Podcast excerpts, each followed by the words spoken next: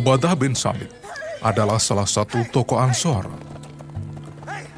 Dia juga pemimpin yang dipilih Rasulullah Shallallahu Alaihi Wasallam sebagai utusan yang mewakili kaum kerabat mereka.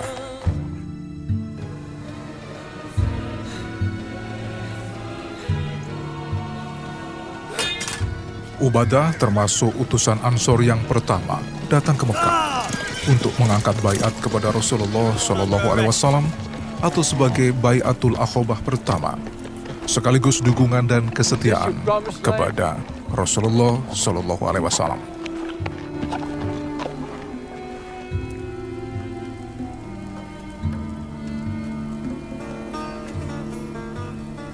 Sejak awal, keluarga Ubadah bin Samit telah terikat dalam satu perjanjian dengan orang-orang Yahudi, suku Bani Khainoko di Madinah.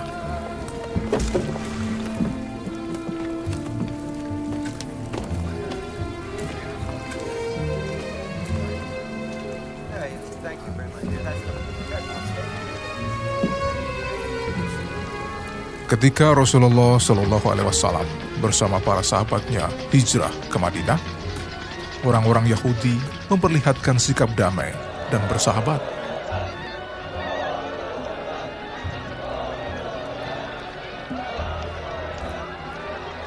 Tapi pada hari-hari yang mengiringi Perang Badar dan mendahului Perang Uhud, orang-orang Yahudi di Madinah mulai menampakkan kecurangannya. Salah satu kabilah mereka, yaitu Bani Khainoko, membuat ulah dengan menimbulkan fitnah dan keributan di kalangan kaum muslimin.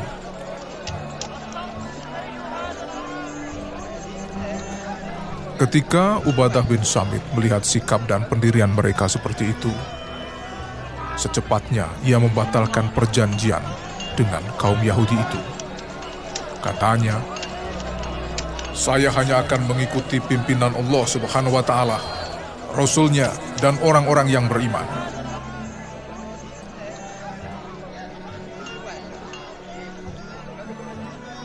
Tak lama kemudian, turunlah ayat Al-Quran yang memuji sikap dan kesetiaannya. ومن يتول الله ورسوله والذين آمنوا فإن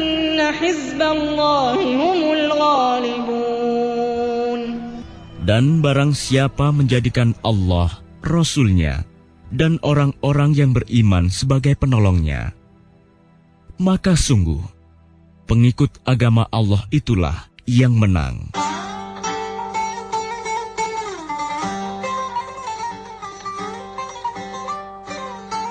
Ubadah bin Samit awalnya memang hanya wakil keluarganya dari suku Katrots. Tapi secara perlahan meningkat menjadi salah seorang pelopor dan tokoh Islam, serta salah seorang pemimpin kaum muslimin.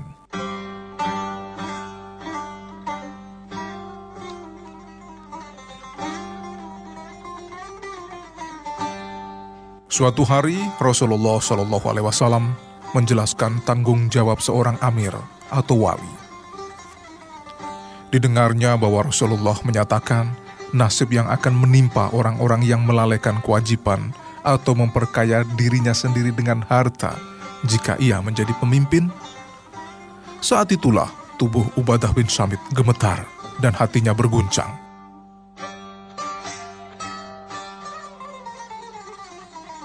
Ia bersumpah kepada Allah Subhanahu wa taala tidak akan menjadi pemimpin meski untuk dua orang sekalipun. Sumpahnya itu hingga akhir hayatnya dipenuhi dan tak pernah dilanggar.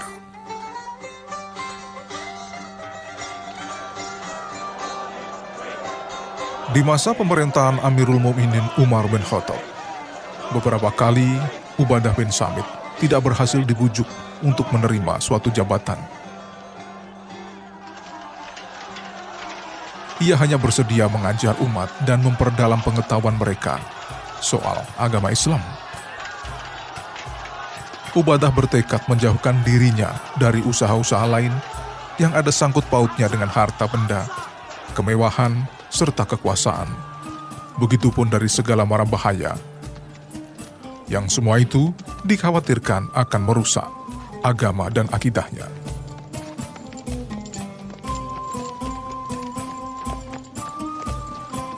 Karena alasan itu pula, Ubadah berangkat ke Syria bersama dua orang kawan seperjuangannya, Mu'adz bin Jabal dan Abu Darda.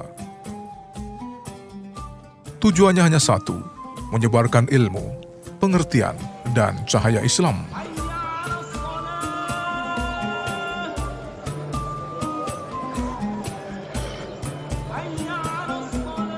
Ketika bermukim di Syria, meski badannya terkurung, tapi pandangan mata dan hatinya bebas lepas dan merenung jauh melewati batas. Kadang ia meneropong ke Madinah Al-Munawaroh, di mana pemimpin umat Khalifah Umar bin Khattab tinggal.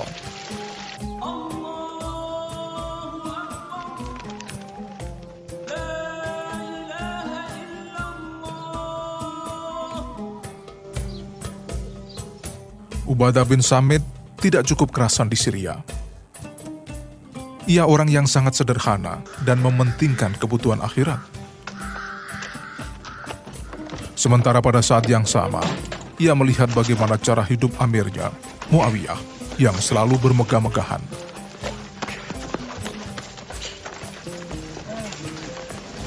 Sering Ubadah melakukan protes sekaligus perlawanan. Kondisi itu lalu menumbuhkan permusuhan antara Ubadah bin Samit dan Muawiyah.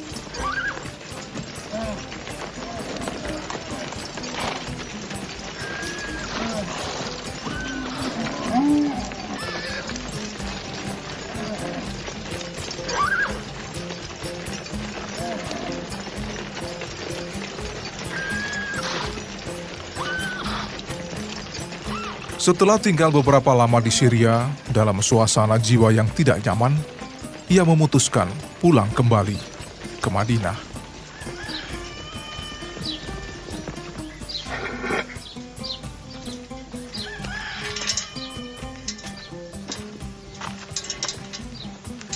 Ubadah adalah rombongan perintis yang telah dididik oleh Nabi Muhammad SAW secara langsung dengan memperoleh limpahan mental cahaya dan kebesaran Rasulullah sendiri. Hal itu menyebabkan pandangannya selalu terbuka dan tidak pernah salah menilai kebaikan dan keburukan seseorang.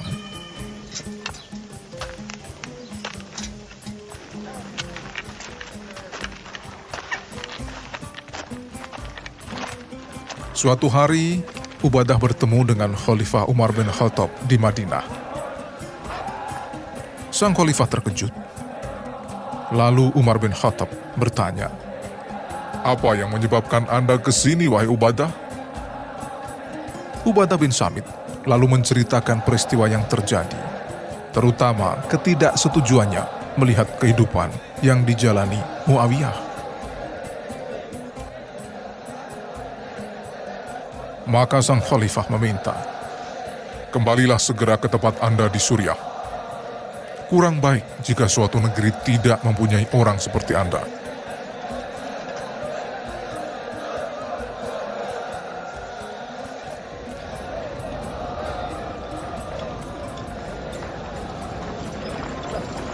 Tidak ada pilihan lagi bagi Ubadah kecuali kembali ke Syria. Melanjutkan mengajar agama kepada warga di sana.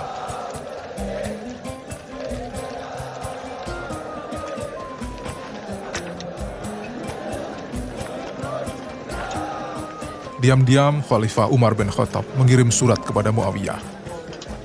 Meminta agar tidak mengganggu aktivitas dan kehidupan Ubadah. Tidak ada wewenangmu sebagai amir terhadap Ubadah bin Samit.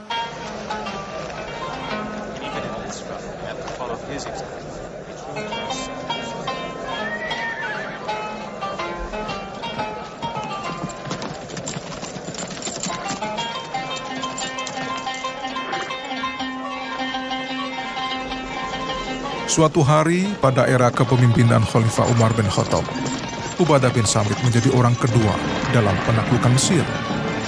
Bahkan ia juga menjadi komandan Amr bin As.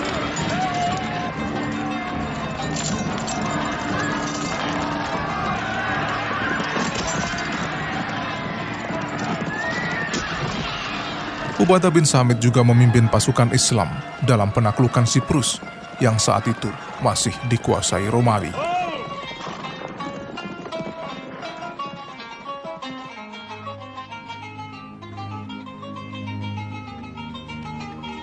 Pada tahun 34 Hijriah, Ubadah bin Samit wafat di Ramallah, Palestina.